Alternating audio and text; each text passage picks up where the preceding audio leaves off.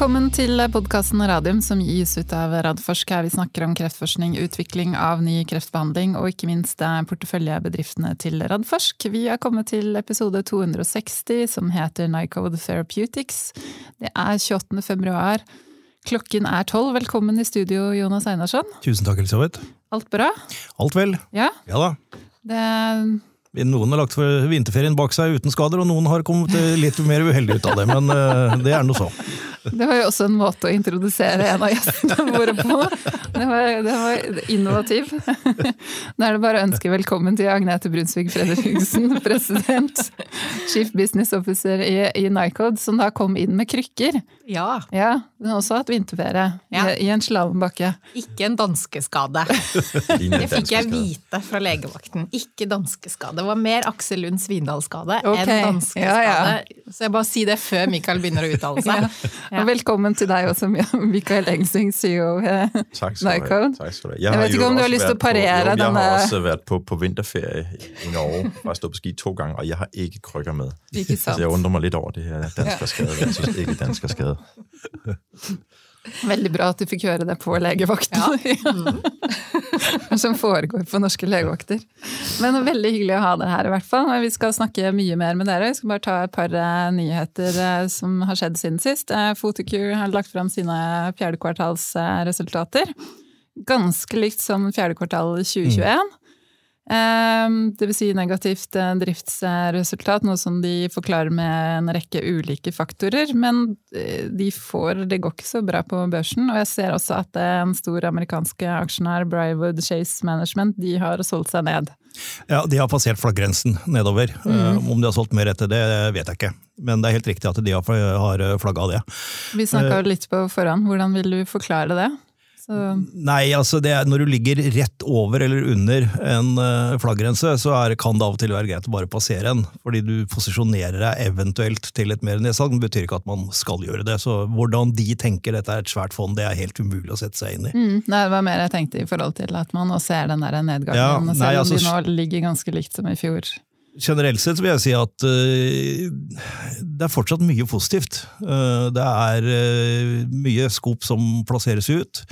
Og de melder jo nå at de ser en bra økning i januar og februar.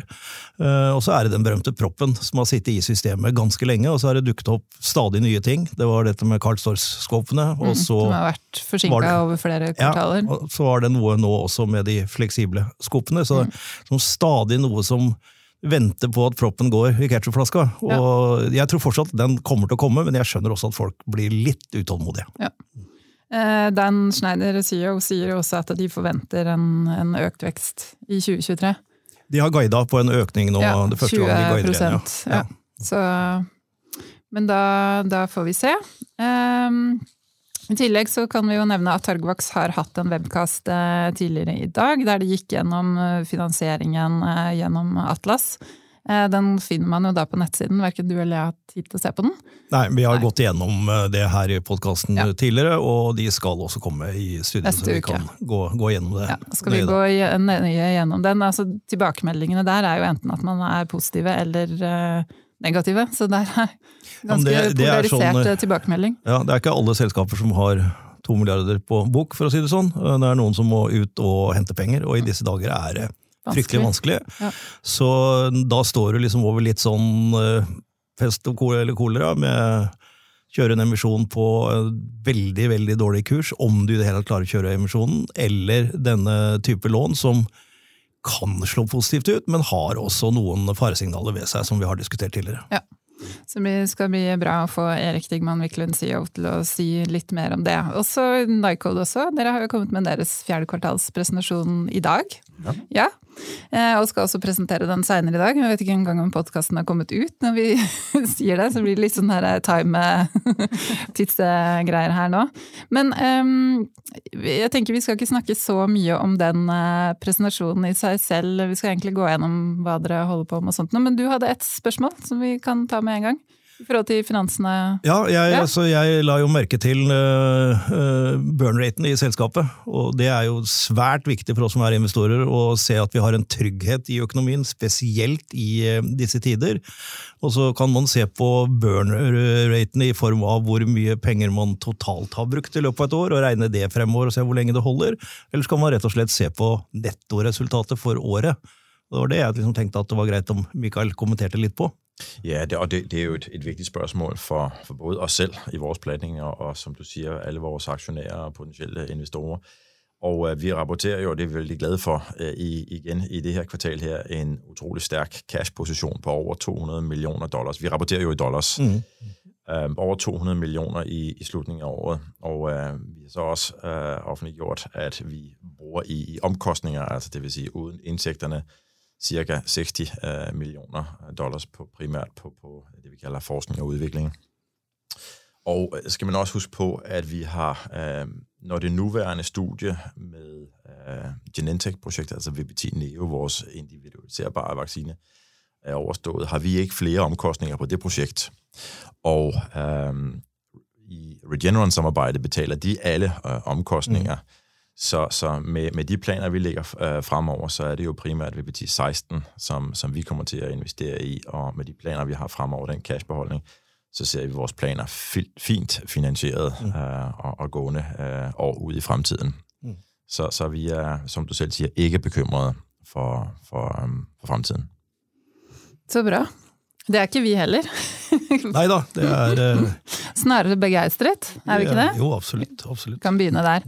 Men um, jeg tenkte, det er jo nå nesten på datoen et år siden dere var her sist. Uh, vi har hatt uh, Geir Hyller Holom, uh, DNB-analytiker, uh, biotekanalytiker, innom flere ganger og snakket om, om dere. Er også begeistret. Um, så egentlig så har jeg lyst til å bare starte med altså, hva er status for Nycode som selskap per i dag? Ja, nu har vi, som du siger, lige offentliggjort vores, vores Q4-rapport, og det bliver jo lidt et fortærsket udtryk at sige, at det har været et transformativt år. Men, men, øh, men vi synes, 2022 var endnu et transformativt år, der i den grad var med til at udvikle selskabet, og vi rapporterede øhm, positive data, både for vores VBT Neo, vores individualiserbare vaccine, som vi meget gerne vil snakke mere om senere nu, og VBT 16, vores mest øh, fremskredende, og, øh, og det projekt, vi selv ejer øh, alle rettigheder til. Um, så, så vi synes, det har været utrolig vigtigt år for os med, med de positive data. Og så øh, kan vi jo også se på andre spændende øh, projekter fra nogle af vores kollegaer ude i branchen. Vi har selv været utrolig opmuntret af de data, der kom ud fra Moderna i, i deres samarbejde med øh, Merck MSD, øh, som i den grad er med til øh, at vise, at konceptet med cancervacciner og især individualiserbare cancervacciner uh, har en fremtid. Det var så i en tidligere, et, et tidligere stadie, som muligvis er lidt lettere at, at behandle, hvor, hvor vi jo også beskæftiger os i fremskreden kraft. Det kan vi snakke mere om uh, om et øjeblik. Så, så det har også været med til at sætte uh, dagsordenen for mange af, af de samtaler, vi har med, med omverdenen omkring uh, selskabets fremtid. Og så er det klart, lige nu sidder vi uh, og venter spændt på uh, vores finale analyse fra C02-studiet, mm. Som vi jo har lovet kommer i første halvår uh, en gang, og som vil inneholde data fra hele behandlingsfasen for alle vores patienter i, i C02. Vi rapporterede jo positive data fra interimanalysen tilbage i maj sidste år, Uh, og nu kommer altså den finale analyse, så, så uh, vi sidder og er rigtig spændte og ja, krydser fingre og, og glæder os til det. Får vi noe topplinjedata på det, og så vitenskapelig på kongress, eller hvordan legger dere opp til kommunikasjonen der?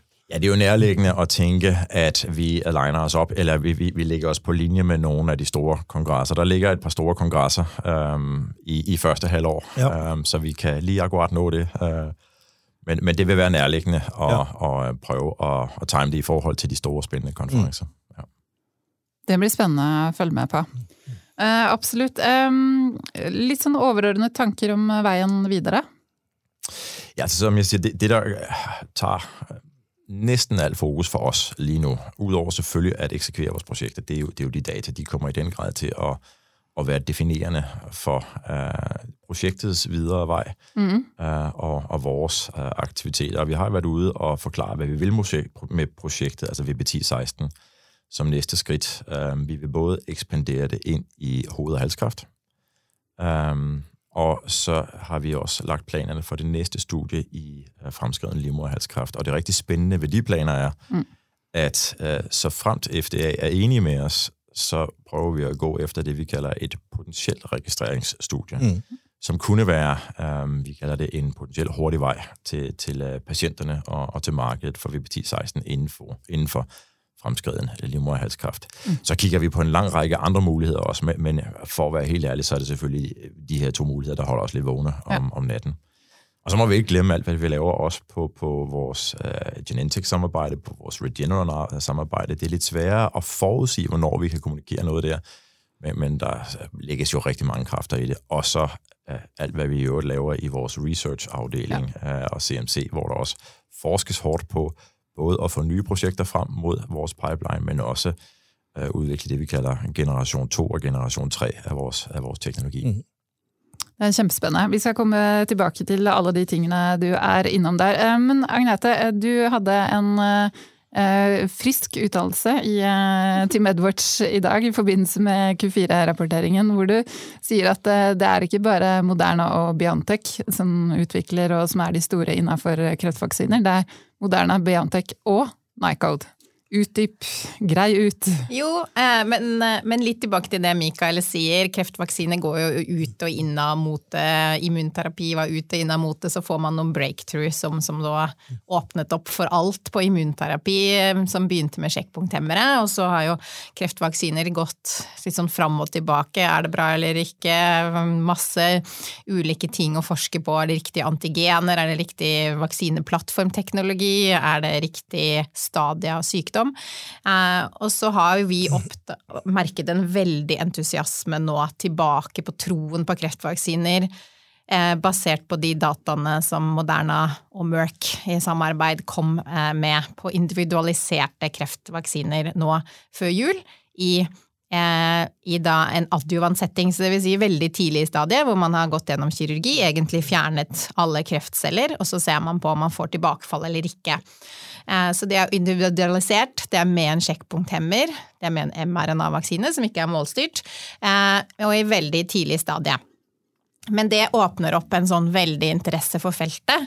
Eh, det tror ikke alle har fått med seg helt at for individualiserte kreftvaksiner, som er der man tar en prøve fra hver pasients kreftsvulst og kartlegger mutasjoner, og så lager man en vaksine per pasient, at det er ganske få selskaper egentlig som har eh, er inne i det, eh, de prosjektene som er like, hvor man bruker forskjellig vaksineteknologi selvfølgelig til å oppnå det. Moderna gjør det, eh, Biontech gjør det. Og Moderna har jo da fått til dette samarbeidet med Merck, så de har en pharma-partner nå til å jobbe sammen med seg. Biontech gikk jo et samarbeid med Genentech i 2016. Og Nycode eh, er da det tredje selskapet som har fått nok interesse fra et eh, stort farmaselskap til å drive individualisert kreftvaksine videre med Genentech. Så sånn sett så er det jeg, det er ikke feil å si at det er Nei, Moderna, Biontech og Nycode som er posisjonert mm. eh, sånn som det står i dag, mm. til å, å, gjøre en forskjell innen individualiserte vaksiner. Jeg tror ikke alle alltid har fått med seg Nei. at det er det hvor, samme hvor vi gjør. Hvor stort dere er, og hvor dere på en måte er en på den eh, globale ja. skalaen. Ja. Mm, så bra. Eh, men dere, Det er ikke noe spørsmål jeg har eh, sagt til dere før, men eh, dere var jo presenterte på JP Morgan. Hvordan var tilbakemeldingene der? Fordi dette er jo den biotek-konferansen altså i verden. Agnete smiler og ser på Mikael. Nei, det er jo gøy. Jeg har jo vært i tuslende i gatene i San Francisco mange ganger, men én port du ikke får lov å gå inn. Så, så litt gøy å bli invitert inn um, i, i, det gode selskap, uh, sånn sett, for første gang hvor vi presenterte. Uh, og, og sam, på samme tidspunkt da, som dette med Moderna og Merck laget en, en veldig interesse for, eh, for, alle innen kreftvaksiner, men, men, hvor vi følte at nå, nå har vi virkelig litt sånn stressende interesse eh, for, for, det vi holder på med, fra mange synsvinkler. Um, så, så, det var jo En veldig, veldig god uke, vil jeg si. Veldig travel uke. Det ble Mm. litt lite mat. Du løp fra møte til møte? Litt, litt mye møter og, ja. og litt lite mat, men, eh, men veldig inspirerende for framtiden. Mm. Og mye interesse da for disse C02-dataene vi får videre, og veldig mye interesse for de individualiserte vaksinene vi da hadde med, med Genentech eh, gående allerede. Mm. Så bra. Eh, Kan ikke dere også fortelle litt om eh, selskapsoppbyggingen? Altså, hvor mange ansatte er dere? For dere har jo hatt mer eller mindre en eksponentiell vekst de siste årene. Ja, det er riktig.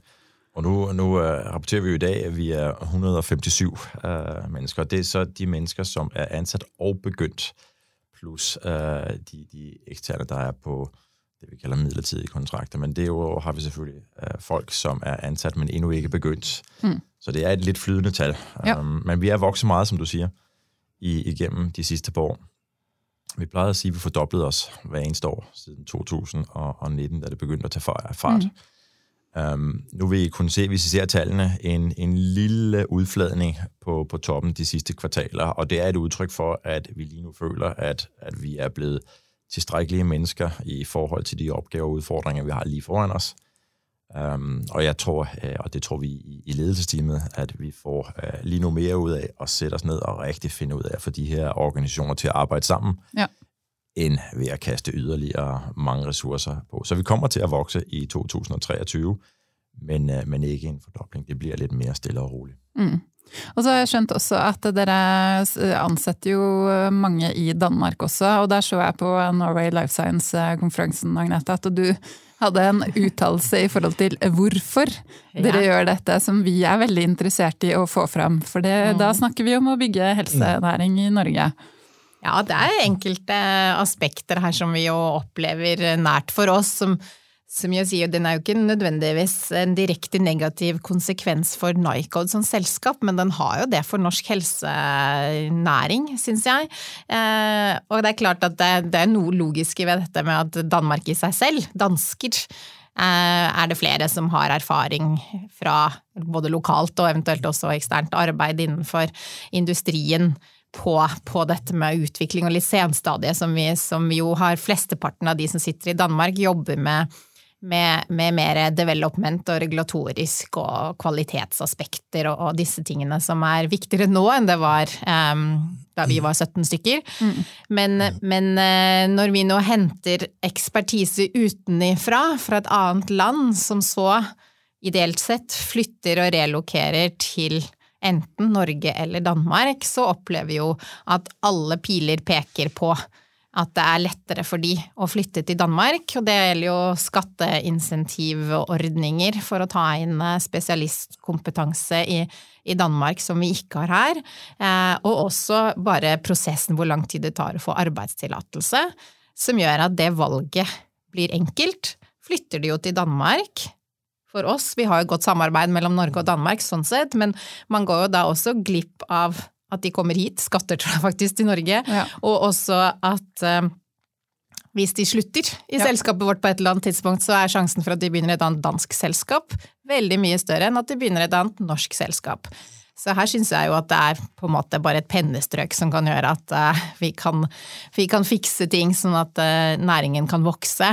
Uh, mye tar tid og være kultur og erfaring og sånn, men enkelte ting kan man fikse med et dokument. Ja, for det betyr jo egentlig at hele økosystemet går glipp av den kompetansen som dere bringer inn i Nycov. Men som du sier, altså dette er jo en bransje hvor det er altså, gjennomtrekk, men det er jo nettopp det som er positivt også.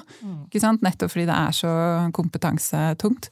Tenker du om det, Einarsson? Nei, jeg syns det er veldig fint at dere står fram og understreker dette. For dette er det på en måte som vi har messa om i alle år, å slåss mot disse insentivordningene og akkurat de tingene du nevner, Agnete.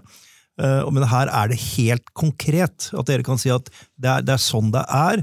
Og hvis vi skal bygge selskapene videre, så kan vi risikere at vi ender opp med nettopp det, at vi må ha et selskap i Sveits eller i Danmark eller i USA. Eh, Og så er det der vi bygger selskapene, hvis vi da ikke klarer å rekruttere de riktige hit til Norge. Det vi trenger da, det er et økosystem. Det har vi. Men vi har altså ikke disse enkle tingene som Agnete sier. Det, det er snakk om et pennestrøk. altså Det er snakk om bare gjøre om på de ordningene som er det som vipper skåla den gærne veien. Mm. Så det er veldig viktig stemme dere har der. Håper dere også blir lyttet til. ja, vi føler at det er folk der, der som, som, I hører, begynner å lytte til oss. Ja. begynner å være interesse for det. Ja, men det er bra.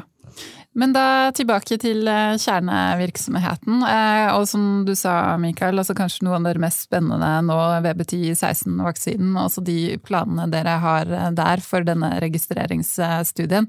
Hvor dere har fått et veldig spennende samarbeid med amerikanske GOG Foundation. Kan ikke si litt mer om det mm. Og det, altså, det er jo vigtigt for os at få de rigtige samarbejdspartnere, når man skal designe et studie, som potentielt set er et registreringsstudie. For det handler både om at, at få sat studiet op, som får de rigtige data ud, men også i forhold til uh, de andre alternative muligheder, der findes derude, altså behandlingsalternativer, plus at få nogle, det vi kalder investigatorer, altså de udprøvere, um, der skal enrollere patienterne og, og give dem uh, vores produktkandidat. De skal jo også være motiveret for at indgå i vores studie, hvis, hvis det skal virke øh, det hele. Og der er GOG for os den absolut bedste samarbejdspartner, vi kunne tænke os. Hvis man vil inden for det, vi kalder øh, fremskreden livmoderhalskræft i, i USA, og man skal have det her til at lykkes inden for en rimelig tidsramme, og det skal vi, hvis vi skal lykkes med den her strategi her, så skal du have en, et netværk af hospitaler, der har de dygtigste udprøvere, og de skal være motiverede, de skal være enige i strategien, og derfor har vi igennem længere tid, også længere tid, end vi har kunnet, kunnet fortælle om, diskuteret strategien med GOG og, og de ledende kræfter der. Det er en gruppe, det vi kalder Key Opinion Leaders, altså meningsdannere. Altså vi har diskuteret både øh, strategien, registreringsstrategien og studiedesignet, øh, og så til sidst formaliseret samarbejdet om udførslen af, af studiet derovre. Så, så det har været vigtigt for os at få dem ombord til lige præcis det her studie her. Mm. C04, som vi kaller det her potensielle registreringsstudier. Mm. Og når får vi vite litt mer informasjon om studien? Altså, vi, vi sidder stadigvæk, vi har jo, kan man si, måske 90% af designet færdiggjort, mm. um, og, og ligger nå og justerer på de sidste uh, ting. En av de meget vigtige ting, vi ikke har offentliggjort endnu, det er jo, hvilken checkpoint inhibitor mm-hmm. vi kommer til at, at køre kombination med. Um, så det er en av de, de ting, vi skal ha endelig på plads. Øh, og ellers vil jeg sige, de, øh, ellers er det næsten kun detaljer, der, der kommer til at mm. mangle. Vi har jo sagt lidt om, det kommer til at, at, at skulle indrullere ca. 100 patienter. Det bliver en uh, single arm, enkel arm, open label. Mm-hmm. Og det gør vi, fordi vi mener, der er præcedens i USA for at kunne uh, give fast-to-market uh, godkendelse på den slags studier um, fra, fra FDA. Um, og uh, så, så på den måde har vi, har vi sagt, vi har også været ude og sige, at vi kommer til at lave en interimanalyse efter 30 patienter, mm. og se data, og på baggrund af de data, og lad os antage, at de bliver gode, så indgår vi en dialog med FDA omkring den videre øh, vej frem, og, og potentielt fast to market, eller hurtig vej til markedet strategi, som, som vi har sagt. Mm. Hvilke tidsscenarier kan man se for sig da? Hvis uh, sett at alt er positivt i en uh, perfekt uh, verden? Ja, altså vi starter jo studiet sidst i, i år, altså fjerde kvartal i, i år, og, og 100 patienter skal jo helst ikke tage alt for lang tid at, at rekruttere. Um, hvis vi tar 30 patienter og laver en interim analyse på, på de 30 patienter, så bør, uh, så bør det ikke uh, skride meget længere frem end, end slut 24 eller, eller starten af 25, før vi har de data og kan gå i en dialog med uh, FDA. Mm. Det, dere, dere, er avhengig av å få god data med, det, med et sånt oppsett. Bare, bare si det. Men ja. Eh, det, er, det, er, fint å ha trua på det, og slår det til, så er det ingenting som er bedre enn det. Men hva, hva tenker dere på interimanalysen? Dere, eh, kan du si noe om det? Hva dere, hva dere skal se på? Er det response rate? Ja, det bliver i, i første omgang uh, response ja. rate. Altså, vi synes jo ikke nødvendigvis, det er den eneste ting, der er interessant, når man kigger på immunoterapi og kraftvacciner, men, men i dialogen med FDA, der bliver response rate noget af det, af det vigtigste. Mm. De kommer til at kigge på mange andre ting, de kommer også til at kigge på, på det, vi kalder durability, altså hvor lang varighed har du på responsen. Og så kommer de i, tror vi, i høj grad til at kigge på um, tolerancen af, af produkter, og det gør ja. det, fordi de alternativer, der findes lige nu, til behandling af, af den her patientgruppe her, ikke er specielt veltolereret. De har nogle uh, uheldige bivirkninger. Så derfor tror vi, at tolerance, altså safety, bliver uh, en, en vigtig parameter også. Det var jo C04 du snakket om uh, egentlig der. Men det er jo mye som vi allerede så i interimanalysen på C02 som gjør at vi tør å gå ja. i den retningen, og som vi selvfølgelig vil ha veldig fokus på. Og som vi er mest spent på i forhold til, de dataene, de som, dataene kommer. som, kommer. nå. Ja. Og det går jo egentlig litt på eh, Vi har jo sagt det en del ganger at den pasientpopulasjonen vi har innrullert i C02, Eh, den har jo ikke fått sjekkpunkthemme før, så det er jo en forskjell. Men vi har en stor andel PDL-en negative, og så har vi også Men majoriteten er jo fortsatt PDL-en positive. Eh, men det er jo basert på at sjekkpunkthemmerne egentlig bare er godkjent for PDL-en positive pasienter, ja. for det er der de fungerer. Eh, det er jo en ting som vi har Vi så jo sånn sett en høyere responsrate og en litt høyere disease control rate i PDL enn positive enn negative, selv om vi så også eh, veldig interessante funn i PDL enn negative. Men dette er jo ting som også påvirker den neste studien. C04 vil være da eh, med de som har fått sjekkpunkthemmer, så dermed i prinsippet PDL enn positive pasienter. Vi så jo også at vi hadde egentlig en sterkere respons i de som har fått bare én tidligere behandling eller to i forhold til flere. Eh, og det er jo både vår eh, hode-hals-studie Eh, som vi setter opp nå, den er jo i first line-pasienter. Mm. Eh, også der PDL-en positiv i første omgang. Og denne C04 potensielle registreringsstudien vår er jo da også i de som har feilet én tidligere behandling, i prinsippet. Eh, så, så, så, dette er jo ting som vi vil se nøyere på når vi får den finalanalysen. Det er jo PDL-en positive versus negative, både på ORR DCR, mm. men også veldig viktig de, altså durability of response og overall survival. Um, men men, de henger litt sammen i de forhold til de tegnene vi har sett. Um, den troen på at vi, vi eh, kanskje kan makse eh, responsen når vi går i disse litt tidligere, men ikke adjuvantsetting. Mm -hmm. eh, viktig for meg å poengtere, faktisk. Um, og, og PDL-en positive pasienter. Mm. Så bra. Det blir spennende når vi får litt mer detaljer. Det er sikkert mange som lurer på ikke minst hvilken sjekkpunkt det hemmer vil jeg tro. Men uh, Agnete, var egentlig en fin bro også videre mot den studien dere nå skal sette, på, sette opp, da, med HPV-indusert kreft i hode og hals. Um, hvor det da går i gang med nå fast to-studiet. Sammen med sjekkpunkthemmeren Keytrude. Kan ikke du fortelle litt mer om den studien, og også hva dere håper å oppnå? Hva er dere, hva er, dere er ute etter her? Nei, altså For det første så er det jo første gang vi går i hode-hals. Og mm. også for hode og hals så er det en, en fin fin setting hvor vi kan teste dette i first line-pasienter, eh, i forhold til det vi har eh, kjørt nå i C02, som jo er senere fase. Så de, de i C02 har jo feila mange runder med ulike behandlinger eh, før de så har fått vår vaksine. Eh, og det, det, er jo en, en vanskelig pasientpopulasjon, eh, men selvfølgelig har gitt oss utrolig mye informasjon som, som vi tar med oss videre. Eh, og så er det også da ikke akkurat første gang, fordi, fordi, vi gjør det også nå for vårt individualiserte program. Men det blir da vår mulighet for oss å gjøre en doseeskalering eh, med WebT 16.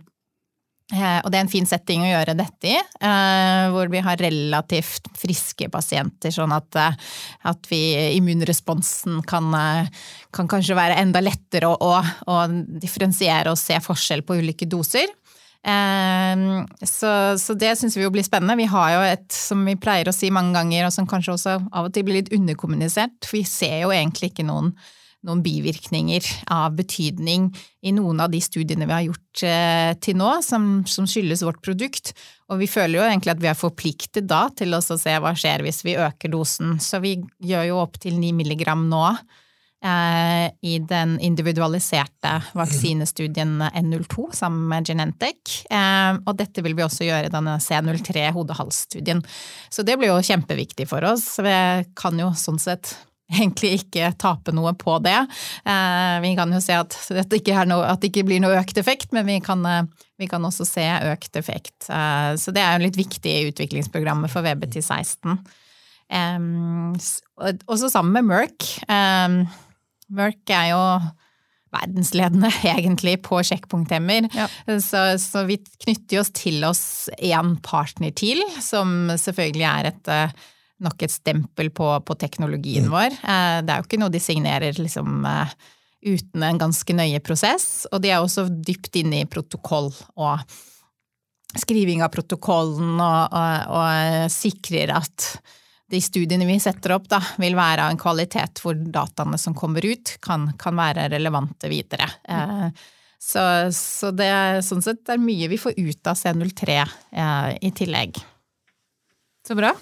Har du en kommentar, eller skal vi Nei, Jeg, jeg bare syns det er kjempespennende. Uh, og så tenker jeg også at det blir veldig spennende å se de dataene som kommer nå, nettopp på de PDL-ene lave og negative. Fordi uh, vi har sett noen andre tendenser hvor man uh, gjør den type kombinasjoner hvor det faktisk får ikke like god, men en frapperende god effekt også i de så er et eller annet som skjer der med sjekkpunkthemmeren og det at du trigger immunsystemet. Så det blir veldig spennende å se de dataene. Ja, vi syns det er veldig spennende og relevant å se på liksom, forskjellen på PDL, ja. positive og negative, eh, og viktig når vi får dataene altså, eh, for videre utvikling. Mm -hmm. Så bra. Eh, litt da over til det samarbeidet dere har med utvikling av vaksine med Genentech, Roche og også Regenion. Hva, hva, kan dere si her? Altså, her er jo kommunikasjonen overlatt til dem, så dere er litt sånn mm. Når de sier dere kan si noe, så kan dere si noe. Men hva, hva er på en måte siste nytt og hva, hva, kan vi forvente, hvis dere kan si noe i det hele tatt om det siste? Vi kan jo ikke si noe om hva vi kan forvente, fordi vi får jo ikke et, eh, et ja eller en kommunikasjon eh, før, vi, før, den er helt klarert, og da går den stort sett ut på dagen. Ja. Eh, så sånn sett, men, men, jeg tror kanskje folk tenkte når vi sa det første gang, at nå er det vår partner som kontrollerer kommunikasjonen, at, at det nå så kom til å bli helt stille.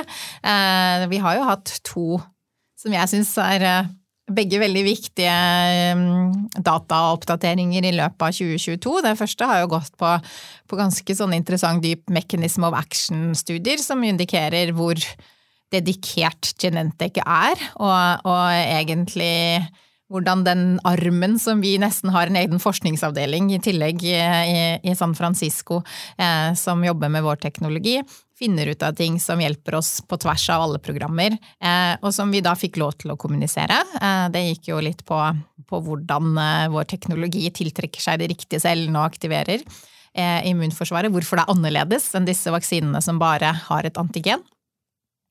Og så fikk vi jo også lov til å kommunisere disse immunresponsdataene fra N01. Eh, og da litt tilbake til Moderna og Biontech, som jo tross alt bare har et antigen alene, så har vi ganske mange sammenligningsdata med en mRNA-vaksine uten målstyring eh, på prekliniske studier, hvor vi jevnt over viser at vi får en bredere immunrespons. Det vil si at vi får en immunrespons mot epitoper som ikke er immunogene. Hvis du bruker de andre vaksineteknologiene, selv om de bruker samme antigen. Eh, og det var vel egentlig det vi følte veldig sterkt når vi satt og så på disse dataene fra klinikken, at de kliniske studiene verifiserte den eh, forskjellen som man ser, selv om man aldri får sammenlignet i akkurat mm. samme pasienter i klinikk, så så vi jo en veldig bred immunrespons mot mange flere epitoper og i flere pasienter enn hva som har vært eh, kommunisert eh, i tilsvarende studier, og, og også med hensyn til at dette er igjen senstadiepasienter som kan også påvirke immunresponsen, mens, mens nå Biontech og Moderna sine studier fokuserer jo i adjuvant setting, hvor du har i prinsippet så å si friske pasienter på det stadiet de starter vaksinering. Så for oss så var det viktig å få de dataene ut for bredden, men også denne CD8-skewingen eller domineringen som vi også ser i preklinikk, at vi også så den i kliniske studier. Så, så der argumenterte man jo vi også litt på at dette har ikke bare for individualiserte prosjekter viktig, men dette viser jo at vi eh, får kliniske data som eh, ser ut som det er translaterbare fra de prekliniske mm. dataene, eh, som burde være da eh, uavhengige av antigener. Så, så, sånn sett så var det viktig for oss, ikke bare for prosjektet, men for plattformen. Mm. Så bra. Regeneron har vel ikke sagt så mye, men jeg Nei. vet at noen analytikere ringer de, og de sier at det, det progress eh, bra, og alt er fint. Så, så de sier jo noe ja. eh, hvis man kontakter dem. Ja. Mm. ja, men så bra. Takk skal du ha. Eh, og så må vi snakke litt om de to covid-19-vaksinekandidatene som dere også har under utvikling. Da kasta dere jo dere rundt, eh, bokstavelig talt, under pandemien og satte i gang studier der. Og der også venter vi vel egentlig på resultater dette halvåret? Av den studien på de to?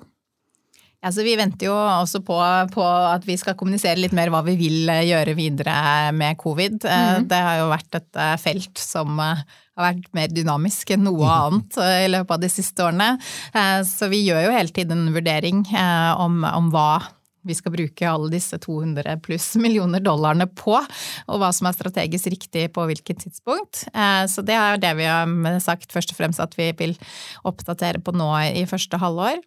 Eh, vi var jo ute med data på den ene kandidaten, eh, som igjen litt tilsvarende dette med den individualiserte Egentlig viser akkurat det samme. I pasienter så får vi en bred immunrespons mot de fleste antigener, selv om alle mennesker er litt forskjellige. Eh, og, og også at det er CD8 Eh, mer CD8 enn CD4-celler, som er litt spesielt med vår teknologi. Vi ser det i preklinikk, og vi ser det nå også i, i disse, flere av disse kliniske studiene. Eh, så, så vi syns jo den har fungert nok en gang som et sånt eh, proof of concept, og viser virkelig plattformens beauty mm. across antigens, som vi sier. Men hva vi gjør videre med covid i disse dager, hvor Eh, man ikke helt vet, eh, det vet vi ikke. Eh, det har vi ikke sagt ennå. Nå er det jo noen. Pfizer har f.eks. lagt til en T-cellevaksine i tillegg. En liten note der er jo at um, vi er jo ikke et DNA-begrenset selskap selv.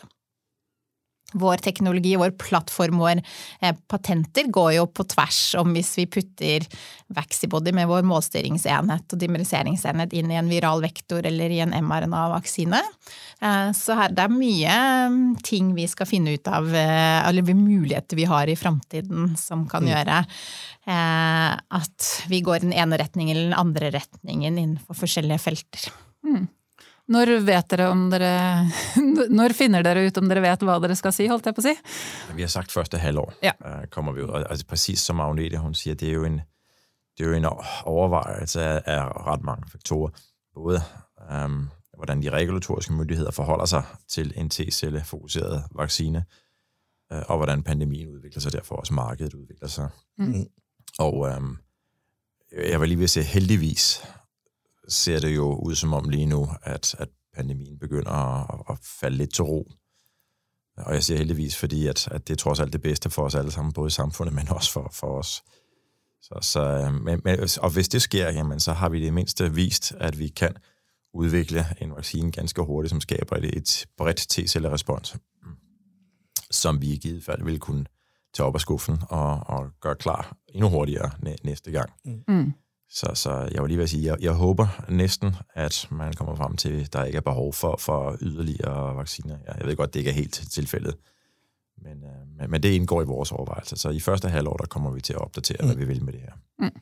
Det er også, som, som bare for at lægge yderligere på den, vi, vi er hele tiden i et benhårdt prioriteringsspørgsmål. Altså, mm. vi har så mange spændende ting, vi gerne vil lave internt um, at vi må være en lille smule disiplineret og, og sige, at vi kan ikke forfølge alle bolde. Uh, og lige nu bruger vi alt fokus på vores uh, VBT16-projekt mm. og vores individualiserbare samarbejde med Genentech, uh, vores research-programmer, inklusiv autoimmune sygdomme, mm.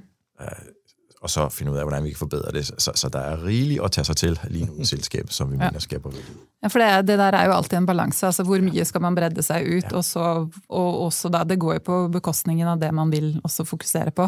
Ja. Og som du sier, liksom, når, når, man har den hvad hva skal man si på, på norsk, versaliteten, altså den funktion, funksjonaliteten i plattformen deres. Mm. For dette her har du jo egentlig snakket om helt fra starten av. at dere, mm. Hele veien, mm. siden Vaxibody, altså før mm. Nycode, ble etablert, så har dere sett det. Så da er det jo den balansen som jeg skjønner da dere fremdeles ja. sliter med. Det er jo et luksusproblem. Nei, det er jo så mye som vi nå kan gjøre, som, som egentlig har sittet i bakhodet i, i 10-15-20 år av muligheter som, som, vi nå har mulighet til å utforske. Mm. Og så plukke opp det eh, som vi mener gir best verdi, eh, og dra videre inn i, inn i klinikk. Så, så, det er jo en kjempespennende fase nå, eh, hvor vi sitter på en helt annen posisjon enn før. Eh, det er jo beinharde prioriteringer eh, fortsatt, og vi får også kjeft hvis vi bestiller for mange kanelboller. Eh, så, så, så, det er kostkontroll. Kan aldri bestille for mange kanelboller. Noen kan. Ja, noen kan. Du er dansk, altså. Kanelboller må man ha. Ja. Ja. Ja, så, vi, så, vi, passer jo på pengene og prøver likevel å bruke de mest mulig fornuftig for å skape verdi. Mm. Men eh, litt over da til eh, preklinikk, og også innom det med autoimmune sykdommer. Altså som dere også har snakket om at eh, dere utvikler eller ser på muligheten for å utvikle altså egne vaksiner på. Hva kan dere si om hva som skjer på laben? Nei, altså det ser jeg kjempemye på laben.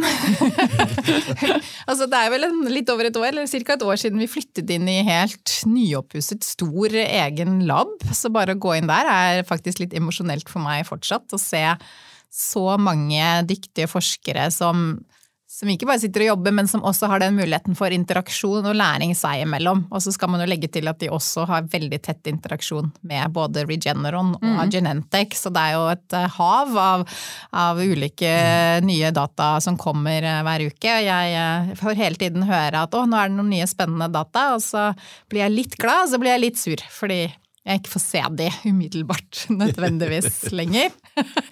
men, men veldig, veldig, spennende. Men vi var jo ute på ACR i fjor. Da snakket vi jo for første gang med ordentlig data på dette med vår, det vi kaller fort module-teknologien. Som egentlig bygger videre på modulariteten, så her lager vi jo enda større mulighet for å både forsterke, men kanskje aller viktigst kontrollere immunresponsen. Mm. Det er jo noe vi kan gjøre med vår målstyringsenhet, som vi har masse prekliniske data på, eh, og som vi benytter til toleranse, men vi også kan benytte innenfor infeksjonssykdommer for å få en annen type immunrespons. Eh, men når vi da legger til en fourth module, og potensielt også en fifth module, eller flere, som, som vi har vist at er nå mulig, eh, og så skiller ut disse minst disse proteinene som virker på immunforsvaret, i tillegg til vaccibodyen vår, så sitter vi på en veldig interessant plattform. Eh, det er jo utrolig mange muligheter som gjør at vi kan si at for denne type sykdom så vil vi bombardere immunforsvaret i denne retningen og sørge for at den går hit, mens andre ganger vil vi sørge for at den går dit. Eh, og det er jo da også det vi har benyttet innenfor toleransefeltet hvor de fleste sånn konkurrerende teknologier på antigenspesifikk toleranse, som jo er i, i prinsippet litt nytt. Um, I dag er jo de fleste behandlinger for autoimmune sykdommer liksom demper immunforsvaret helt generelt. Uh, så ønsker man jo at man bare demper immunforsvaret mot akkurat det som gjør deg syk. Uh, og det er ikke så veldig mye sånn sofistikert der ute ennå. Det er litt sånn levering til mildt, for eksempel, som kan skape et miljø som er litt mer hemmende. Eh, mens den måten vi har, hvor vi prøver å gi det til visse typer subgrupper av antigenpresenterende celler, og når vi i tillegg da kan legge på fort og fifth module og bombardere de med sånn dempende signaler, så, så syns vi jo selv at, eh, at, det er eh, at det har et stort potensial. Eh, og også det at vi er såpass tidlig innen feltet, gir oss jo muligheten for å i hvert fall utforske veldig brede patenter. Og, og bli Hvis det funker, så, så, mener vi at vi er veldig godt posisjonert mm. i forhold til hva som skjer ellers i verden. Og dette er jo det som går litt på overveielsen med hvor skal vi gå? Ja, hvor kan vi skape mest verdi? Hvor har vi bredest patenter? Ja. Hvor ser vi interesser? Og så videre. Så, så for meg er det der automunitet litt lignende når vi gikk inn i individualisert. Alle sa åh, høy risiko og vanskelig og eh, meg og, og sånn. Og så landet vi dette samarbeidet med Genentech. og jeg tror alle som har fulgt oss, har sett hvor mye den avtalen og det at vi valgte det prosjektet på det tidspunktet, egentlig har ført oss til at vi sitter eh, her i dag med så mange ansatte og så mange prosjekter og så mye penger på bok. Eh, det er jo ikke sånn alltid at alt bare går ene, ene, veien, men for meg så er litt autoimmunitetsprosjektet litt Litt, litt sånn lignende? Det ser kult måte... ut på papir. Ser, ja. veldig, ser, veldig, lovende ut på papiret, og så skal man jo teste hvordan det fungerer. Men, men vi får litt den samme oppmerksomheten rundt det. Mm. Ja, si, Hvordan er konkurransesituasjonen? Hvilke andre aktører er det som holder på, og hvilke andre aktører er der hvor dere er, på den måten? Er det noen? Nei, altså det er ikke veldig mye. Det har jo vært liksom peptidvaksiner og, og, og, sånt som har, har, prøvd seg innen feltet. Eh, Nordisk har jo noe på noen DNA-vaksiner med, med, store, men det er på en måte da antigenet, bare gi antigenet. Eh, eh, Biontech har jo også en publikasjon med mRNA med en litt annen liposomformulering, eh, som også da har antigen alene.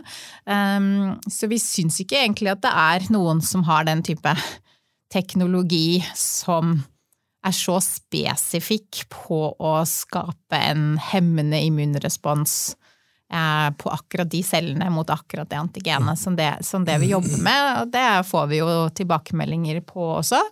Eh, men det er tidlig. Mm. Og det er en kamp om ressurser og, og prioriteringer. Og vi har jo også satt opp, oss opp med nå en eksponentiell eh, mulighetsrom av konstrukter å lage og teste. Eh, så, så veldig spennende, men, mm. eh, men, vi tar det skrittvis. Mm. Mm. Så ikke noen sånne tidslinjer i forhold til når dere kan si eh, at, om at dere går inn first in man med noe her, eller på hvilken indikasjon? Altså, det, det, det, er for tidlig for oss også fordi som Agnete sier, det, det, er, det, er, tidlig på papiret, ser det utrolig spennende ut. Og, og jeg er helt enig med Agnete. Altså, vi, vi, vi, har jo det der i, i hvert fall hypotetisk sett kunne være uh, et, ikke bare first, men, men virkelig stand out som noget helt unikt uh, i forhold til de andre, der, der, der arbejder på det. Men vi skal altså først vise, at, at vi, at vi kan få det til i de, i de forskellige også prækliniske modeller. Og det har vi jo sagt, at vi kommer ud og opdaterer markedet omkring mm. i løbet af, af i år. Jeg tror, vi siger de første ni måneder. Så I kommer til at høre mere fra os i, i år. Um, og det, de, altså den beslutning kommer så også til at informere os om, uh, undskyld, de data kommer til at informere os om, hvad det er for en indikation, vi skal gå efter. Uh, først skal vi gå efter noget, der er kæmpe stort, men også dyrt, eller skal vi gå efter noget, der er er lidt mindre og mere overskueligt, ja. men også til at betale. Og der kommer vi også til at blive drevet af partnerinteressen, selvfølgelig. Mm. Det skjønner jeg. Har du noe ja, altså, jeg må se litt på deg. Jeg bare sitter og stirrer ja, oppslukt på gjestene våre. Jeg synes det er kjempespennende. Jeg syns autoimmune sykdommer er utrolig spennende. Det er jo en stund siden prednison kom, for å si det sånn. Ja. Så, og stort sett, som du sier, så har det vel ikke skjedd noe særlig. Mm. Eh, siden det vi pøser på med mm. det der som jo funker, men har jo også hatt hav av bivirkninger. Mm. Så eh, noe som kan gjøres der mer spesifikt i forhold til det, og kanskje til og med nærme seg at man kan gjøre noe med ikke bare symptomene, men litt med årsaken mm. til de autoimmune sykdommene. Mm. Er, da snakker vi Nobelprisen, altså. Det er, eh, for det er virkelig unmet medical need så det holder. Så mm. jeg skjønner godt at uh, papirbunken ser fristende ut. Ja, papirbunken ser veldig fristende ut. Så, så skal det gå gjennom noen faser. Mm. Eh, litt sånn overordna til slutt, og egentlig litt tilbake til det vi snakka om i starten. Altså framtida. Altså, oktober 2020 så signerte dere da avtalen med Genentech. Og vi er nå i liksom, februar 2023, så vi snakker ikke et hav av tid her. Vi snakker egentlig veldig kort tid. Og det, altså, da het ikke selskapet engang Nico, da het det Vaxibody. Hvor mange ansatte var dere? 17, var det det du sa? Var 25 i 2019, ja, så vi er nok vokset. Vi har i hvert fall vært 50-60 i slutningen av 20. Ja. Mm. Og så med den vanvittige kliniske programmet som lytterne nå forhåpentligvis har fått med seg mm. deler av. altså Det er jo enda mer intrikat når man går inn på nettsiden deres og kikker. Eh, hvor er dere om eh, Hva blir det for noe, da? Eh, To-tre to, år? Om to, ja. ja. Der, der, skulle vi jo gjerne være meget nærmere, håper vi, og, og krydser fingrene for at data er positive. Og ha vores øh, første produkt som kommer ut av vår plattform øhm, på markedet til, til patienter. Og, og det vil jo være utrolig betydningsfuldt for oss, ikke kun fordi vi så gør noget for patienter, øhm, og, og det må man altså ikke undervurdere. Det, det er det, der driver alle os til at stå op om morgenen. Selvfølgelig er det rart at, at skabe aktionærværdi, men det er altså først og fremmest at gøre noget for patienterne, der virkelig driver os. Um, og, um, og så især i, i, i retning, hvis, hvis vi får bekræftet de her lange responsrater, som vi har set antydninger til i de første interim data på C02, um, så tror jeg, at der er nogen af os, der kommer til at græde en lille tårer af, af glæde over det. Så det skulle vi gerne være tættere på at, at have det, og så skulle vi jo gerne have nogle, nogle yderligere programmer i gang med VBT 16. Om vi har et partnerskab på VBT 16 er, er usikkert, altså uvist, uh, simpelthen fordi, at uh, det vil vi ikke gøre for tidligt. Mm. Um, vi, vi sidder og føler, at vi bygger utrolig meget værdi op i vores VBT 16-projekt lige nu, ved at køre det videre selv. Og det er jo sådan, jo længere du, du tager det, selvfølgelig løber du en risiko med, men du får også mere værdi for det. Når det er sagt, så må vi også sige, at kommer den rigtige partner med det rigtige tilbud, øh, og lover os, at de kan sætte yderligere fart under udviklingen, så vil vi selvfølgelig være fristet til at, at sige, at det her vil være det bedste for ikke kun selskabet, men også for patienterne derude. Mm. Så vi afviser det altså ikke. Og så skulle vi jo gerne øh, på det tidspunkt være noget væsentligt videre med, med vores VBT Neo, altså vores individualiserbare. Om to-tre år, så forventer jeg, at, at vi ved, uh, hvilke områder vi satser på først, efter vores N02-studie. Øhm, eller rettere, hvilke områder Genentech satser på som de første indikationer. Uh, I dag undersøger vi 10 forskellige former for, for kraftformer, så det skulle jo gerne på en eller anden måde også konkretiseres og sige, det, det, det er det mere, der bliver satset på. Og så har vi jo store forventninger til, at vi i hvert fald er godt i gang med, med de første autoimmune øh, mm. indikationer. Om det bliver om det bliver en MS eller hvad det bliver, det, det, det skal tiden jo også vise. Øh, måske endda i et partnerskab. Um, og så skal vi også være noget videre med, med, med vores infektionssygdomme. Det, det er vores, vores uh, satsning inden for infektionssygdomme. Så, så det har vi også en, en forventning til, at der er, er kommet konkrete projekter i gang der. Enten af vores egne, eller noen av dem, der, der lige nå ligger under Regeneron-samarbeidet. Mm. Så bra. Har du noe tilfelle, Agnete? Nei, og så er det jo også alle disse forbedringene eh, som vi jobber med. Om det er, det er doser, og det er Fort Modules, og det er Ja. ulike Så det formuleringer. optimale Så, så det, og i tillegg det Nå er ikke det det umiddelbart på programmet, men det å også komme enda tidligere fase, i adjuvant eh, også, hvor vi, hvor vi jo Altså når vi har den effekten, hvis vi ser en sånn langvarig effekt som, som vi så tendenser til i interimanalysen um, sist, så er jo en adjuvantsetting hvor du ser hvor lenge klarer du å holde dette i sjakk så det ikke vokser opp noe. Så eh, sjansen for at man skal få positive data i en adjuvantsetting, hvis vi kan bekrefte denne langvarige responsen som vi så tendenser til i C02, mener jo vi er ganske stor, eller veldig stor. Jeg får lov til å si sånne ting i dag. Eh, så, så, så, så vi er jo fortsatt på tidlig stadie i forhold til hvor ender vi? Det er jo mange muligheter. Så ja, om to-tre år så vet vi veldig mye mer formuleringer og, og stadier av sykdom og PD-en positiv eller negativ og kombinasjoner og eh, Men jeg har jo stor, stor tro på at det vil være mer bekreftet at kreftvaksiner i mest sannsynlig kanskje også vår teknologi, eh, er på vei til å bli eh, anerkjent som, som noe som skal inn i kreftbehandlingsregimet. Gjerne så tidlig som mulig. Mm.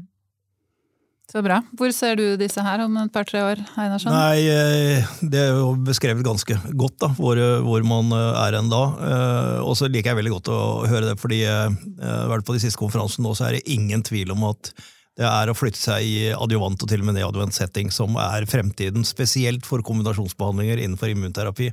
Så at man allerede ser det nå og prøver å komme dit så fort som mulig, det tror jeg er helt riktig. Så bra. Da er bare å ønske dere masse lykke til. Velkommen tilbake i podkasten når dere har noe nytt å melde, og god fjerdekvartalspresentasjon senere i dag. Tusen takk. Mm, takk for i dag.